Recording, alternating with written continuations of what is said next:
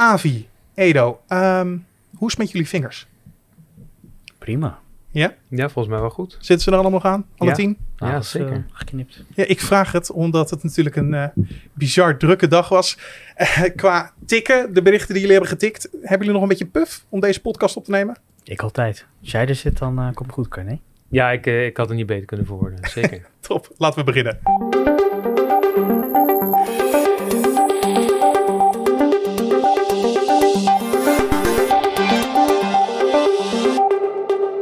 Goeiedag en fijn dat je luistert naar deze speciale Dit Wordt Het Nieuws podcast. Waarom speciaal? Omdat we deze podcast eh, opnemen op 15 september, de derde dinsdag van september. En dus Prinsjesdag, de dag waarop de koning de troonrede voorleest en de minister van Financiën de miljoenennota en de rijksbegroting aan de Tweede Kamer aanbiedt.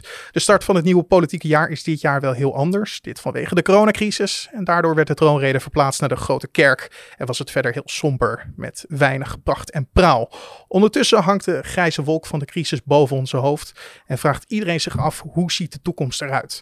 Wat de reactie van de politiek hierop is en welke vooruitzichten er nu op tafel liggen. Dat ga ik vragen aan de politiek verslaggevers van nu.nl. Avinash Biki en Edo van der Groot.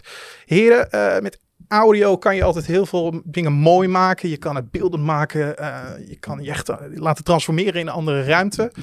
Willen jullie deze ruimte waar wij zitten mooier maken dan het is? Ik weet niet hoe je deze mooier kan maken dan dat het is. Behalve dat, dat Edo net met een verse poster van de miljoenennota is binnengekomen. Ook dat is traditie. Ook dat is traditie. Dus daar, dat, is, dat is mijn uitzicht eh, vanuit, het, eh, vanuit de perstoren Ja, in de jullie... Tweede Kamer. Ik kijk dus eh, elke dag. Ik keek elke dag, moet ik zeggen. Want we zijn niet zo vaak meer op kantoor. naar de poster. Met de miljoenennota, de uitgaven en de inkomsten. En dat is dit jaar meer uitgaven dan, eh, dan dat er binnenkomt. Nou ja, want om even duidelijk te, te zijn, eh, jullie hebben de deuren voor mij opengezet in de podcast om eh, in jullie werkkamer deze podcast op te kunnen nemen. Dank daarvoor. Maar ja, ik zei het eigenlijk al aan het begin in mijn introductie. Het is een bijzonder jaar, een bijzondere Prinsjesdag editie vanwege de coronacrisis. Ik heb wel duizend keer gehoord, het is compleet anders dan voorgaande jaren. In hoeverre is het anders voor jullie? Ja, het is eigenlijk wel grappig dat je dat zegt. Want met die insteek eh, leefde ik ook wel een beetje richting deze Prinsjesdag, eh, naar deze Prinsjesdag toe. En gaandeweg toen de plannetjes al begonnen te lekken en ik eh, een beetje mijn voorwerk deed om voor het interview met de minister van Financiën Wopke Hoekstra, kwam ik er eigenlijk achter dat er eigenlijk nog best wel veel doorgaat. En ja, dat heeft hij eigenlijk ook gewoon gezegd. De, hij zegt letterlijk, afspraak is afspraak. We gaan gewoon de investeringen die in het regeerakkoord stonden, die, eh, die doen we nog steeds. En ze trekken zelfs iets extra uit om eh, nog een beetje lastenverlichting te krijgen. En ja, je, zou eigenlijk kunnen zeggen, de, de, ja, het automatisme van veel kabinetten hiervoor, tijdens de vorige crisis, om als een malle te gaan bezuinigen als het niet goed gaat met de economie, dat is volledig losgelaten. En eigenlijk zien we gewoon een begroting, eh, ja, die, die natuurlijk wel afwijkt van andere begrotingen die we hebben gezien. Er gaat eh, ruim 60 miljard naar de noodpakketten. Maar we laten de staatsschuld gewoon lekker oplopen. En het begrotingstekort, eh, het begrotingssaldo, dus er komt veel meer geld gaat eruit dan dat er binnenkomt. Ja, en ze zien dat volgens nog allemaal niet tot zo'n groot probleem. Dus het woord bezuinigen is niet gevallen. Nee, nee, daar gaan we het straks uitgebreid over hebben, inderdaad, hoe dat het nou precies zit. Eh, maar ja, eh, sommige dingen moesten ook gewoon doorgaan vanwege verplichtingen. Het staat in de grondwet volgens mij heel veel eh, van wat er vandaag heeft plaatsgevonden. Het aanbieden van een miljoenennota. Ehm dat, Ja, dat is allemaal verplicht. Hè? Ja, daarom. Daar kan je niet van afwijken. Nou, volgens mij is het ook wel. Kreeg, kreeg, ik geloof dat premier Rutte dat een, een compliment kreeg. Nou, maar, maar, maar ook uh, Khadija Ariep natuurlijk, de Kamervoorzitter, dat ze ervoor gezorgd hebben dat Prinsjesdag nog een beetje normaal heeft kunnen doorgaan. We weten natuurlijk allemaal vanwege de coronaregels kon het niet meer in de traditionele ridderzaal. Maar zoals je ook al zei, hè, de, de grote kerk uh, van Den Haag. En ja. dat was omdat anders er geen anderhalve meter afstand tussen de Kamerleden uh, ja, plaats kon vinden. Want de Kamerleden moeten aanwezig zijn. Nou, dat is dus het grappige. Ze hoeven niet per se aanwezig te zijn. Als maar uh, de, uh, de, de, vertegenwoordigers van de, van de Staten-Generaal, Mhm. mm -hmm. Eerste Kamervoorzitter, Tweede Kamervoorzitter, het kabinet en de koning, dan zou je het in principe ook al kunnen laten doorgaan. Maar goed, ze hebben ervoor gekozen om zoveel mogelijk dat is eigenlijk wel kenmerkend voor de hele coronacrisis, om zoveel mogelijk te doen alsof het normaal is. En dat hebben ze hier ook wel geprobeerd. Om het toch door te laten gaan. Toch een aantal Kamerleden de, de gelegenheid te bieden om aanwezig te zijn. Sommigen hebben daar gebruik van gemaakt. Anderen ook weer niet. Maar uh, hoe, normaal ze, hoe normaal ze ook hebben willen doen. Uh, ja, normaal was het vandaag niet echt, nee. Nee, nee. Want inderdaad, wat je zegt hoor, er zijn alternatieven voor als de situatie er heel anders uitziet. Bijvoorbeeld, ik hoorde op de radio dat er ook een vertegenwoordiger van de koning de troonrede kan oplezen op deze dag. Dat is ook een optie. Nou, de koning deed hem vandaag zelf. Um, wat viel jullie op aan de troonrede dit jaar? Nou, ik vond hem dit jaar, en dat is misschien ook wel logisch, denk ik dat hij wel echt kenmerkend heel somber was. En nog, nog meer dan uh, in bijvoorbeeld in crisistijden, waar je dan toch wordt voorbereid op uh, dat de werkloosheid uh, toeneemt of wat dan ook. Ja, dit was toch wel echt een heel realistisch, maar ook wel confronterend de, de, de, ja, de toon van, van de troonrede. Namelijk, nou, er komt een forse crisis aan. We moeten toch echt allemaal goed oppassen hoe het de volgende, volgend jaar eraan toe gaat. Um, waarschuwde voor de economische crisis, maar natuurlijk ook eventjes gerefereerd aan um, de problemen in Groningen met de, met de aardbevingen, de toeslagenaffaire. Ja, dat zijn, dat zijn ook nog gewoon slepende problemen waar het kabinet mee kampt. En natuurlijk ook uh, de aanpak van de coronacrisis verder en uh, de besmettingen die, die toch wel blijven oplopen. Ja, want uh, wat Avi net zegt dan, het, ging heel veel over corona, Edo, het coronavirus, de waarschuwing die de koning afgaf, maar ook inderdaad over veiligheid, klimaat, ongelijkheid. Is dat iets uh, wat nog wel de aandacht krijgt die het eigenlijk nodig zou moeten hebben? Ja, het werd ook nog wel genoemd, uh, stikstofproblemen. dus dat er extra geld komt om stikstof terug te dringen. Uh, dat waren maatregelen die in het voorjaar al, uh, al werden genomen en uh, nu nog een keertje werd benadrukt. Ja, wat mij eigenlijk ook wel opviel is misschien wat er niet in stond. En dat is eigenlijk de meest recente crisis die we, die we hebben gezien over migratie en vluchtelingen. We hebben natuurlijk gezien hoe het kabinet en coalitie hebben geworsteld met kinderen, vluchtelingen van het Griekse eiland Lesbos over te nemen. Om daar de, de vluchtelingententenkampen in, in brand is gevlogen. En, en, daar werd eigenlijk met geen woord over gesproken. Ja, ik, ik, ik, moet eerlijk zeggen dat over de crisis, dat, dat steekt er natuurlijk wel bovenuit. Alleen ja, ik, ik ben inmiddels zo murf geslagen met negatieve en sombere berichten over de economie. Uh, dat, dat me dat, nou ja, goed, ik, ik, sta er niet meer van te kijken dat ook de koning waarschuwt dat het. Jij voelt niks meer dat, dat het een uh, klap wordt. Nou ja. Moeten we er een therapiesessie van maken, Edo? Dat kan, hè? Nou, maar misschien is het ook omdat er enerzijds ook wel redelijk luchtig wordt gedaan over hoe we dit financieel allemaal kunnen, kunnen opvangen. En uh, dat is niet alleen. Ze proberen uh, ook gewoon heel veel vertrouwen uit te stralen. Ja, maar dat, dat, dat zou een politieke boodschap zijn. Hmm. maar dit, dit is ook wel wat je hoort onder economen. Die zeggen van de staatsschuld kan echt wel wat oplopen. Nou, zo, zo hard zegt minister Hoekstra niet hoor. Die, die werd ook wel. Uh, ik voelde ook wel direct naar. En die, die, die zei niet van laat maar oplopen die schuld. Het moet uiteindelijk wel een keer terugbetaald worden. Maar ook belangrijk adviseur van het uh, kabinet de rekenmeesters van het Centraal Planbureau zeggen ook van ja, stel er komt een tweede golf. Dus uh, we krijgen een volledige lockdown. Waardoor de economie echt gigadreun krijgt weer. Ja, ook in dat geval kan de overheidsfinanciën kunnen, kan dat wel aan. Ja, want als je het hebt dan over wat er vandaag gepresenteerd is wat dat waard is voor de, de tijd die we nu ingaan. Want hij is super onzeker. Uh, vandaag ook weer, op het moment dat we het opnemen, stijg, stijgen de cijfers. Ja, uh, we maken nu plannen voor een toekomst die onzeker is. Ja, de, de cijfers, de besmettingen bedoel je dan? Besmettingscijfers. Ja, ja, die ja. dan weer boven de duizend zijn uh, voor zoals ze dag op rij. Ja. nou ja, goed, kijk, op zich, begroting hebben altijd wel een, uh, daar kun je wel redelijk van op aan. Hè? Dus als het kabinet zegt we gaan zoveel miljard uitgeven, dan gebeurt het vaak ook wel. Uh, de koopkracht is vaak wat ingewikkelder, hè? Die, uh, dat, soort, dat soort plaatjes. Dus als ze zeggen van de koopkracht stijgt gemiddeld met 1%, of zelfs, het is eigenlijk zelfs niet eens een gemiddelde, maar een mediaan. Dat wil zeggen dat het middelste wordt genomen. Uh, dus als dat 1% zou zijn, betekent dat dat de helft minder krijgt dan 1% en de andere helft meer dan 1%. Ja, goed, lang verhaal kort. Dat is met heel veel onzekerheid. Uh, moet je niet uh, al te serieus nemen. Moet je niet al te serieus nemen. En uh, dat doen we ook niet helemaal. Er zitten natuurlijk wel belangrijke politieke beslissingen liggen daaraan ten grondslag. Dus je kan natuurlijk wel heel duidelijk zeggen: ja, als jij ouderen behoorlijk in de min laat lopen met die koopkrachtcijfers, dan zegt dat wel wat over je politieke motivatie of motieven in ieder geval.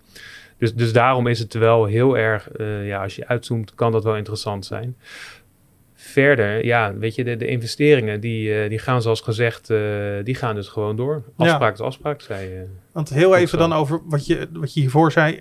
Moet je dan altijd de plannen met een korreltje zout nemen of moet je er gewoon wat breder naar kijken? De koopkracht moet je met uh, flinke kilo zout nemen. want ik kan je voorspellen, die koopkracht komt voor niemand uit. Weet je wel, als jij één keer een iets, iets hogere uitgave doet, dan... Uh, is je koopkracht weg. Dan is je koopkracht weg. Ja, maar goed, ga maar na. Stel, stel je zou er een procentje op vooruit gaan. Uh, dat is fijn hoor, en dat is leuk. En uh, bedoel, begrijp me niet verkeerd, iedereen wil iets minder belasting betalen en iets meer loon overhouden. maar goed, ik heb wel eens gekscherend gezegd, bestel één keer dure sushi en je bent al door je koopkrachtwinst heen.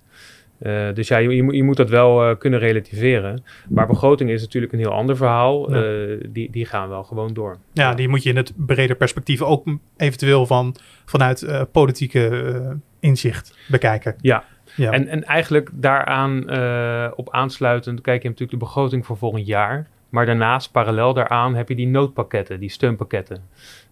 die verlengd zijn, hè? Die zijn verlengd. We hebben nu te maken met per 1 oktober gaat het derde pakket in werking. Ja, dat, dat zijn wel schattingen. Je weet natuurlijk niet hoeveel uh, steunbedrijven en uh, werknemers gaan aanvragen. En de teller staat nu op zo'n 60 miljard. Uh, er komt nog zo'n 60 miljard aan. ja, ze verwachten dat er nog zo'n 60 miljard aan garanties staat daar ook nog voor in de boeken. je, Mhm. je weet niet in hoeverre garanties worden terugbetaald. En wat eigenlijk de grootste klap wordt, en daar waarschuwt het kabinet ook wel voor ja, mensen raken hun baan kwijt. Uh, bedrijven gaan omvallen. Dat, da daardoor loop je gewoon heel veel inkomsten mis. En die Ja. klap die hebben wij nu nog, nog niet gezien op papier. Ondanks de investeringen die nu worden gedaan. Ja, zeker. Ja. Ja, want dat is het sleutelwoord, hè? eh, investeringen. Als het gaat om wat er nu op tafel ligt. Ja, dat, eh, daar had Edo het natuurlijk net ook al over. Dat is het, eh, toch wel een verschil met andere crises eh, die je gehad hebt eh, in het verleden. Sprak eh, een aantal fractieleiders na eh, afloop van de troonrede. Toen vroeg ik ook, hè, van, eh, wat is je nou opgevallen in de troonrede? En ik had het ook over dit punt, die investeringen, dat dat ja, toch wel anders is dan, dan, dan hoe er voorheen is gereageerd op crisis.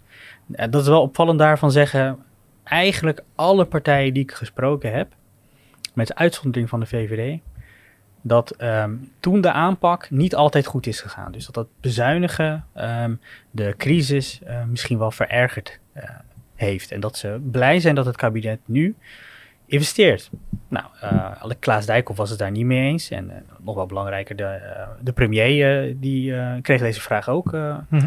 voor zijn kiezen. Die was daar ook niet mee eens. En hij vindt juist dat doordat het kabinet destijds heeft bezuinigd en zo heeft gesneden in de uitgaven, bijvoorbeeld ehm, ze zeggen van dat de sociale zekerheid natuurlijk aan hervorming toe was, dat dat ervoor gezorgd heeft dat ze nu kunnen investeren, omdat het nu geen structuurcrisis is, namelijk dat, dat het systeem bij de banken, et cetera, dat dat niet deugde, maar dat het nu juist een crisis is die uh, ja, snel gerepareerd kan worden. Mhm. Rutte die noemde dat, dat was een, een kopersstaking. Uh, zo noemt hij dat. We zijn uh, een paar maanden gestopt met naar buiten te gaan en een paar maanden gestopt om uh, spullen te kopen. Dat is waar deze crisis. uh, Maar komt hij dan weer met de gouden boodschap: uh, koop die auto, koop dat huis? Nee, die vraag had hij een paar weken geleden gehad, geloof ik. Hè? Van uh, doe je die oproep nou? Um, en toen zei hij volgens mij dat, dat, dat we het verkeerd hebben begrepen toen. Ja, tijd. precies. We ja. hebben het, dat, dat, is altijd zo. Hè? Als we hem herinneren aan een uitspraak. Hij had dan, het niet uh, goed uitgelegd. ja, nou, ja, dan heeft hij het niet goed uitgelegd. Nee, klopt. Nee, inderdaad, hij, dat viel mij ook wel op. Hij was vrij positief ook over de toekomst. Uh, namelijk, hij heeft er heel veel vertrouwen in dat, zoals hij dat noemt, de fundamenten van, van, van de economie deugen. En dat, dat Nederland uh, ja, weer kan opveren als eenmaal wat uh, vaccin er is of een behandelmethode. Maar het hangt allemaal af van hoe lang dat gaat duren. Als het langer duurt dan voorzien, dan, ja, dan, ga je, dan ga je, die, die, ga je die, die aanslag op de economie toch echt wel, echt wel merken. Dan wordt het, hoe langer het duurt, hoe moeilijker ook wordt om het economisch herstel op gang te brengen. Dat is wel een fundamenteel punt. Hè? Dat is wel, uh, wel interessant wat je daar noemt. Want uh, het is inderdaad zo. Er waren hervormingen nodig, want de economie zat fundamenteel niet goed in elkaar inderdaad. Hè? Dus de banken, het bankenwezen had geen buffers. Uh, het financiële stelsel was, was heel zwak, kwamen we achter. Uh, met de eurocrisis uh, zag je opeens dat er uh, grote weeffouten in de eurozone zone zaten. Het was echt fundamenteel mis. En daardoor had je zoveel onzekerheid dat mensen niet durfden te verhuizen, geen auto durfden te verkopen, inderdaad. En dat zei Hoekstra nu ook. Hij zei van ja, het vertrouwen is er gewoon nog. En dat heeft waarschijnlijk dus te maken met dat de economie in de kern gezond is. Mm -hmm. Maar wordt aangevallen door een, uh, ja, een vijand van buitenaf. Maar niet door iets wat binnenuit al heel lang broeit en eigenlijk misschien wel rot. Uh, dus daarom is het vertrouwen er bij Hoekstra, denk ik ook, dat hij nu uh, ja, nog steeds grote bedragen durft te lenen om dat weer te investeren. Daar, daar is dat investeringsfonds dat hij vorige week presenteerde, samen met collega-minister Erik Wiebes van Economische Zaken ook een voorbeeld van ja, hij is gewoon van plan de komende vijf jaar even 20 miljard euro extra te lenen. Ja. Kunnen we hem gekscherend minister van Financiën met de, de, big spender noemen van, van het ministerie dan? Volgens mij doet het kabinet het samen. Ja, dat zou ik zeggen. Zijn, vier, hij schrijft niet alleen de check uit inderdaad. Er zijn ook vier partijen die daar een groen licht voor moeten geven. VVD, CDA, ChristenUnie en D66 natuurlijk. Ja, ik denk dat hij zelf wel...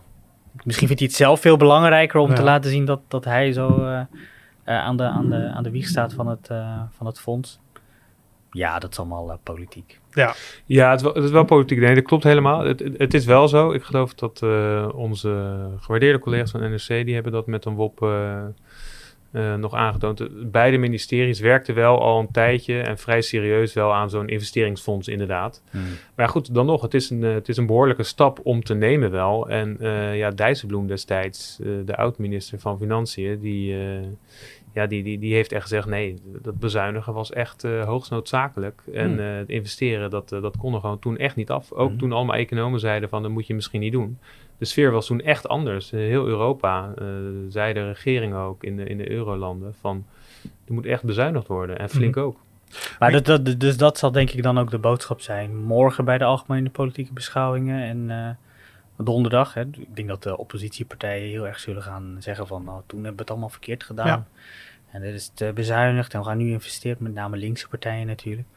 Al vraag ik me wel af wat uh, Ascher gaat doen van de PvdA. Want die was natuurlijk zelf ook verantwoordelijk voor het bezuinigingsbeleid van Ja. uh, het vorige kabinet. Dus dat is wel interessant. Maar dan, daar zal natuurlijk gewoon Rutte Ja. tegenover stellen. Die zal, ik denk dat er wel een flink deel van het debat over, over deze discussie zal gaan. Over, ja, wat is nou een crisis? En welke crisis is nou een crisis die je moet oplossen met bezuinigingen? En welke crisis moet je nou oplossen met investeringen? Want dat is nog wel een punt die ik wil aansnijden als het gaat over de plannen die nu uit de koffertje zijn gekomen. Dan, gekscherend gezegd, is, uh, je had het net over het investeringsfonds. Dat is al gepresenteerd hiervoor. Um, de bonus bijvoorbeeld voor het zorgpersoneel, de 500 euro, wisten we al van. Mhm. Zijn er ook dingen die jullie hebben verrast, wat er dan nu, wat er nu gepresenteerd is? Of is het allemaal ja, uh, oude koek die opnieuw in, in een blik is uh, Nou, de, de, de, kijk, veel, veel aanbevelingen bijvoorbeeld uit uh, onderzoekscommissies bijvoorbeeld zijn overgenomen. Als je kijkt naar uh, de arbeidsmarkt, willen ze graag dat flexcontracten wat minder flex worden en vast minder vast. En daar, daar lag al een uitgebreid advies klaar. Mhm. Uh, ja, dus je kon wel invullen dat dat ook uh, werd uitgevoerd door bijvoorbeeld de zelfstandig aftrek een beetje af te bouwen om uh, flex duurder te maken. Of minder aantrekkelijk in ieder geval. Uh, ja, die bonussen, dat, uh, dat werd natuurlijk gretig, uh, gretig gelekt naar de media. Dat is, dat is natuurlijk ook niet zo'n verrassing. Goed nieuws. Dat, dat lek je altijd. Ja, klopt. Ja. Nou, die bonus was al bekend. Die, die 200 miljoen voor de, of die, uh, die huurbevriezing. Je hebt natuurlijk inderdaad uh, ja, de, de huurbevriezing uh, voor de allerarmsten in ieder geval. Voor de Ja. meest kwetsbaren. Dus Ja. dat ook niet voor iedereen. Dat werd op een hele merkwaardige manier gelekt, ja. Tijdens een vragenuurtje. Ja. ja. Maar die 500, dat, nou, nou ga ik ook twijfelen. Nou, je, je had 500 al bekend ja, Ja, er wordt zoveel Ja. gelekt Ja, Nee, die precies. 500 en die, eh, niet gelekt. Die was al Dat je gewoon ja. niet meer weet Officieel nou- zou die 500 inderdaad vandaag bekend worden gemaakt. Oké. Die 1000 euro die was inderdaad... 1000 euro eh, was nee, bekend. nou ja, wel, goed. ja. Je ziet het. Ja. Nou, Eh, luisteraar, ik hoop dat je nog eh, een overzicht eh, hebt in ieder geval. Want, eh, nou ja, dat is het punt. Ander punt is, ja, hoe gaan de andere Kamerleden hier nu op reageren? Avi had het er net al over de algemene politieke beschouwingen van woensdag en donderdag. Ik denk dat jullie daar samen heel erg naar uitkijken. Eh, eh, staan er echt partijen te trappelen om tegen deze plannen in te gaan?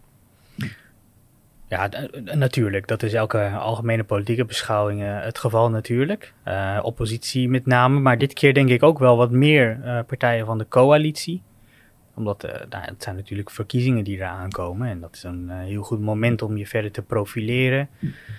En de oppositie kan dat natuurlijk wat nadrukkelijker doen dan de eh, coalitie. Maar verwacht zeker ook wel van bijvoorbeeld een, eh een ChristenUnie die zal hameren op dat het liberalisme ten einde is gekomen. Grote woorden, veel grote woorden verwacht ik. Ik denk dat Pieter Heerma van het CDA dat ook zal doen. Ik denk dat Rob Jette eh, zal hameren op eh, onderwijs en op wonen. Dus op, op dat soort terreinen zullen ze blijven profileren. En aan de andere kant natuurlijk de linkse partijen die eh, zullen benadrukken dat bijvoorbeeld dat investeringsfonds. Maar hoe, hoe zit dat nou precies? Viel, viel jou niet op toen jij die fractievoorzitter sprak, hè? Dat het algemene beeld was wel, of is wel, van dat ze het ermee eens zijn dat er eh, door wordt geïnvesteerd. Hè? Dus dat dat motortje blijft draaien. Ja, Dus nu was het kritiek, viel mij vooral op van. Nou, op zich, dat vinden we goed, maar het had gewoon nog iets meer moeten zijn. En normaal Ja. zie je een soort van dat ze echt het tegenovergestelde eh, vinden en Ja. daar dan heel duidelijk een punt van maken. Dus is het in mijn optiek best wel lastig om je heel erg hierop te profileren. Ja, maar ik denk dus ook dat je op het crisisbeleid niet zo makkelijk kan profileren. Behalve dan dat je. Hè, dus die, iedereen vindt die investeringen volgens mij wel goed. Nou ja, bijvoorbeeld over die steunpakketten. Daar gaat volgende week eh, eh, verder over gepraat worden, volgens mij toch? Eh, het zou goed kunnen tijdens de financiële beschouwingen, klopt. En, en ehm, nou ja, daarvan zullen ze zeggen van dat moet meer. Ehm Lodewijk Asscher wil een baangarantie. Ehm, je zal kritiek hebben op het woonbeleid. Daarvan zeggen ze van, nou, er komt dan eh, een programma voor Mhm. de allerzwaksten. Dan zeggen ze, nou, dat moet meer. ja. Dus in principe zijn ze het wel eens ermee, maar ja, hier en nog, daar nog moet net nog... een eigen twist of zo. Nou? Ja, en eh, ik had het daar ook over, althans wij als eh, pers op bezoek bij premier Rutte. We hebben elk jaar een persgesprek naar aanleiding van nou ja, deze mooie dag, hè, Prinsjesdag. En toen had hij het er ook. We vragen ook aan hem van wat verwacht je nou? Hè? Van welke kritiek verwacht je nou? En wat, ik, wat, wat, wat, wat mij heel erg opviel daar was, hij maakt zich eigenlijk niet zo heel erg veel zorgen. Eh, Ja, maar je weet wat hij zegt, hè? wat zegt hij? Rutte, die eh, wordt niet betaald om, eh, Oh ja, om zich zorgen te Om maken. zich zorgen te Oh. maken, nee, precies. De- Totdat, totdat hij zich echt zorgen maakt om de oplopende besmettingen. Dan heeft hij wel zorgen. Ja, nou, allemaal selectief.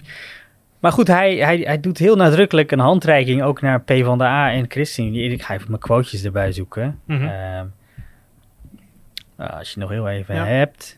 Nou ja, op een gegeven moment eh, heeft hij het er natuurlijk ook over eh, dat, dat, dat PvdA en GroenLinks twee partijen zijn die in deze crisis natuurlijk niet zitten te wachten om van de algemene politieke beschouwing een soort pre-campagne te maken. Ehm, zij willen ook natuurlijk gewoon eh, helpen om het land verder te besturen. Dus dat is ook een vlucht naar voren nemen natuurlijk. Maar ja, maar, Maar ook hij met- op wat je weet wat wel gaat gebeuren. ja, en, en daar ook een beetje boven hangen dan hè, Ja. eh, als premier. Ik denk ook dat hij dat eh, op donderdag gaat doen wanneer hij aan de beurt is. Ik denk dat met name ehm, bijvoorbeeld de SP, even kijken, GroenLinks, PvdA en natuurlijk eh, de PVV, eh, een hele belangrijke eh, oppositiepartij, eh, zullen hameren op, nou ja, de PVV natuurlijk. Van waarom gaat er zoveel geld naar een investeringsfonds waarvan niemand eh, nog echt weet waar het geld naartoe gaat? Ja. Waarom gaat er geld naar een Europees noodfonds, terwijl eh, de zorgbonussen en zo eh, achterblijven? En Er is een woningnood, eh, daar zal eh, Lodewijk Asscher op hameren, baangarantie, er moet geld naar de woningen. Jesse Klaver die vindt dat het investeringsfonds, eh, vindt hij geen goed idee. Hij wil het klimaatfonds. Nou, zo Ja, maar iedereen dat, dat bedoel ik eigenlijk. zijn eigen paradepaardjes. Maar hij is het dus eens met dat investeringsfonds. Alleen dan mag het wel even iets groener, zeg maar. Weet je? Het is en niet zo- daarvan zegt Rutte dus ook weer van, ja, wij horen Klaver. Eh, hij zegt van, economische groei staat niet voorop. En daarvan zegt Rutte, nou ja, ehm, eh, investeren in klimaattechnologie levert altijd meer economische groei op. Dus dat is evident. Dus Rutte heeft er zelf ook wel gewoon vertrouwen in dat hij Klaver wel zover krijgt om voor dit investeringsfonds uh, te stemmen. Want ja, laten we wel eens, misschien vinden zij, vinden, vinden, vinden dat soort partijen het ook wel gewoon een goed idee om te investeren in technologieën van de toekomst, in kunstmatige intelligentie, in transitie naar een klimaatneutrale uh, samenleving. Maar is het ook voor selecteren op de verkiezingen inderdaad die er wel aan zitten te komen in maart? Ja, en ik, ik, denk ook wel een belangrijk detail dat uh, zowel GroenLinks als PvdA hebben natuurlijk een sleutel in handen om uh, de coalitie aan de meerderheid te helpen hm. in, in de Eerste Kamer waar de coalitie zelf geen meerderheid heeft. En je zag ze ook voor de begroting, zijn de belangrijke ministers op dat vlak, dus Koolmees, Wiebes, Hoekstra, die zijn ook gewoon nou ja, bijna op audiëntie gegaan bij, bij deze twee partijen, om eens gewoon even te praten van wat, wat zijn jullie wensen, zodat daar rekening mee kunnen houden. En inderdaad, dit zijn de laatste belangrijke, dit is het laatste belangrijke grote debat voor de, voor de verkiezingen. Uh, ja, weet je, enerzijds is het natuurlijk ook wel raar dat Rutte eigenlijk bijna uh, GroenLinks en PvdA als een soort coalitiepartner bombardeert. Hè? Dus als hij dat zo tegen jou zegt, uh, Avi, van ik ga er wel vanuit, we, we, we, horen wat ze zeggen en ik ga er wel vanuit dat ze... Dat, is mijn, dat heeft hij niet gezegd, maar dat is wel mijn interpretatie een beetje mhm. van... Ja, als dat je zijn, Want weet je wat hij ook doet daarmee? Um, hij maakt een soort tweedeling tussen verantwoordelijke partijen en onverantwoordelijke partijen. Dus uh, Rutte ziet dan bijvoorbeeld de PVV, uh, FVD en de SP als partijen. Ja, daar kan je niet echt mee samenwerken. Die willen niet echt, of die durven niet echt verantwoordelijkheid te nemen voor de crisis waar we op dit moment in zitten. Hij haalt ook uh, onderzoeken aan uh, die vandaag gepubliceerd zijn over het vertrouwen in de politiek. En dan zegt hij heel duidelijk: dat is niet het vertrouwen in mij of het kabinet. Maar dat is vertrouwen in de hele politiek. Dat is ook het vertrouwen in de oppositie die, uh, die mensen hebben. En dat, dat, dat heeft de politiek verdiend volgens de premier. Omdat de oppositie zo heeft meegewerkt met het crisisbeleid. Dus hij is ze al aan het inpakken. Hij is ze al tegen de borst aan het drukken. En hij is ze al, zeg maar, onderdeel aan het maken van het crisisbeleid. En ga er dan nog maar eens uitstappen. En ga dan maar eens uh, uh, als oppositiepartij, hè, als PvdA of GroenLinks, neem dan maar eens die positie in om het hele crisisbeleid ten val te brengen. Ja, dat ja. wordt heel moeilijk. Ik vind het heel interessant om te zien hoe GroenLinks en uh, Partij van de Arbeid daar de komende dagen mee zullen omgaan. Want dat, die, die onderzoeken hè, waar jij het over hebt, Avi, dat zijn, uh, nee goed, je hebt het Sociaal Cultureel Planbureau, mm -hmm. de sociale staat van Nederland. Dat, dat is altijd het grote jaarlijkse onderzoek dat terugkomt, waarin ze kijken van, uh, nou, hoe staat Nederland ervoor? Uh, daarin zie je dat het vertrouwen in de politiek uh, nog een voldoende scoort. Maar ook inderdaad wat vandaag werd gepresenteerd door uh, Ipsos, geloof ik. Mm. In ieder geval NOS, die, die kwam daarmee. Dat vertrouwen in de politiek vrij hoog is. Ja, dat lezen en dat weten die oppositieleiders natuurlijk ook wel. Dus ga je inderdaad een beetje tegen de stroom van het volk in... Uh, door te zeggen van ik geloof helemaal niks van dit beleid. Terwijl je weet dat een meerderheid dat wel ziet zitten. En terwijl je ook weet dat je mede aan de knoppen zit en dat het ook al zo is vastgelegd. Want ja, Rutte uh, zegt dit zo tijdens het persgesprek.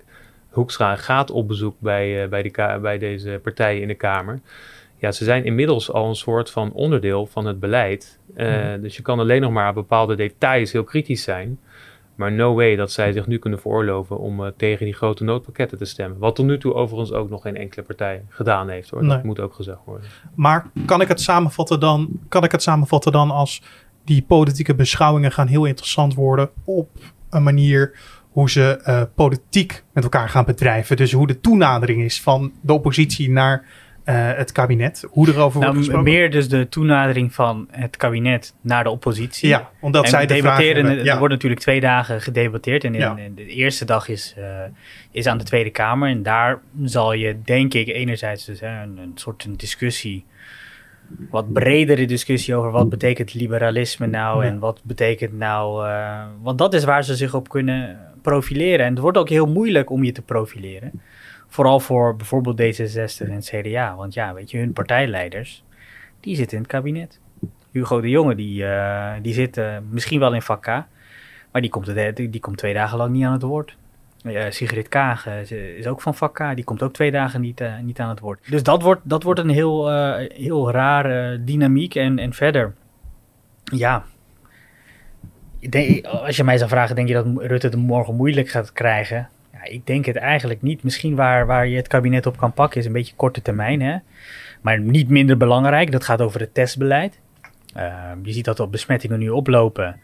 Uh, de teststraten die, die kunnen niet meer aan. GGD's die uh, laten het bron- en contactonderzoek varen.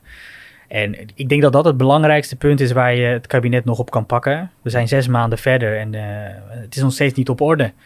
Hoe kan dat nou? En, en er wordt ook zoveel gezegd en er wordt zo ontzettend uh, belang gehecht aan die tweede golf. En dat die niet mag komen. En dat als we dan eventueel naar een tweede lockdown moeten. Ja, dat alle, alle cijfers gewoon de prullenbak inkomen. Want dan is alle hens aan dek. Dan, gaat, dan, dan moet je echt rekening gaan houden met ontzettend veel ontslagen. En een, een flinke, flinke deuk voor, voor de economie. En ja, als alles daarvan afhangt van of die testen en het traceren en het opsporen, isoleren, als dat allemaal niet werkt, dat is niet iets wat ik verzin, maar dat is iets wat het kabinet heeft gezegd. Van dat is het fundament onder onze aanpak van, van de coronabestrijding. En ja, dat, dat is op dit moment piept en kraakt het, zoals ze dat zeggen. Dus ik denk dat dat het belangrijkste is waar je het kabinet op kan pakken. En dan hier en daar. Want weet je wat ook is? Die metadiscussies over, over politieke ideologieën. Dat Mhm. gaat allemaal over de hoofden van mensen heen, joh. Ja, ja, mooi gezegd. Dat denken we inderdaad ook. Uh, en, je ziet het ook gewoon als je een beetje de trends in de peilingen bijhoudt. Hè. De ene partij naar de andere partij, die heeft het uh, liberalisme afgezworen. Maar ondertussen, de liberale partij, VVD, doet het gewoon hartstikke goed als je kijkt naar verschillende peilingen. Dus daar, daar hoeft zo'n partij zich ook niet echt zorgen over te maken. Ik vraag me wel af, Avi, want jij volgt die uh, debatten over dat coronavirus natuurlijk wat nauwgezet. Hè? Um, die discussie is al gaande natuurlijk. Hè? Dus het zou me aan de andere kant ook wel weer verbazen als, als dat echt een groot thema wordt tijdens die algemene politieke beschouwingen. Als je echt vooruit wil kijken en naar het beleid over uh, van volgend jaar wil. Uh, en dan bedoel je de aanpak van het kabinet nu in, in coronatijd? Ja, dus de ja. nieuwe... De nieuwe nee, ik, ik weet niet zozeer of het een belangrijk thema wordt. Ik, ik, denk, ik denk alleen dat dat een, dat dat een uh, thema is waar je het kabinet mee pijn kan doen. Ja. Want dat, dat schiet mij nu ook opeens binnen, inderdaad. De, de, die, die eerste politieke beschouwingen. Toen had het kabinet, of toen had de oppositie inderdaad wel een instrument gevonden waar ze, waar ze Rutte inderdaad wel pijn mee konden doen. Dividendbelasting. Ik weet niet of jullie dat nog uh, kunnen herinneren. Ja. Dat is waar eenmaal. Maar dat, uh, dat, dat was echt iets wat Rutte echt nou, met heel veel moeite moest verdedigen. En waarin, Ja. waarvan iedereen ook wel zag van ja, dit, uh, waar ben je nou in godsnaam mee bezig? Uh, en hij bleef zich maar ingraven dat het zo belangrijk was. Dat was een fantastische stok om mee te slaan voor de oppositie. En ik, ik, ik zie die stok, zie ik niet, nog niet. Nee, ja, kijk, je, je, hebt, je hebt eh, volgens mij drie punten. Hm. Je, je, je, kan het hebben over die zorgbonus.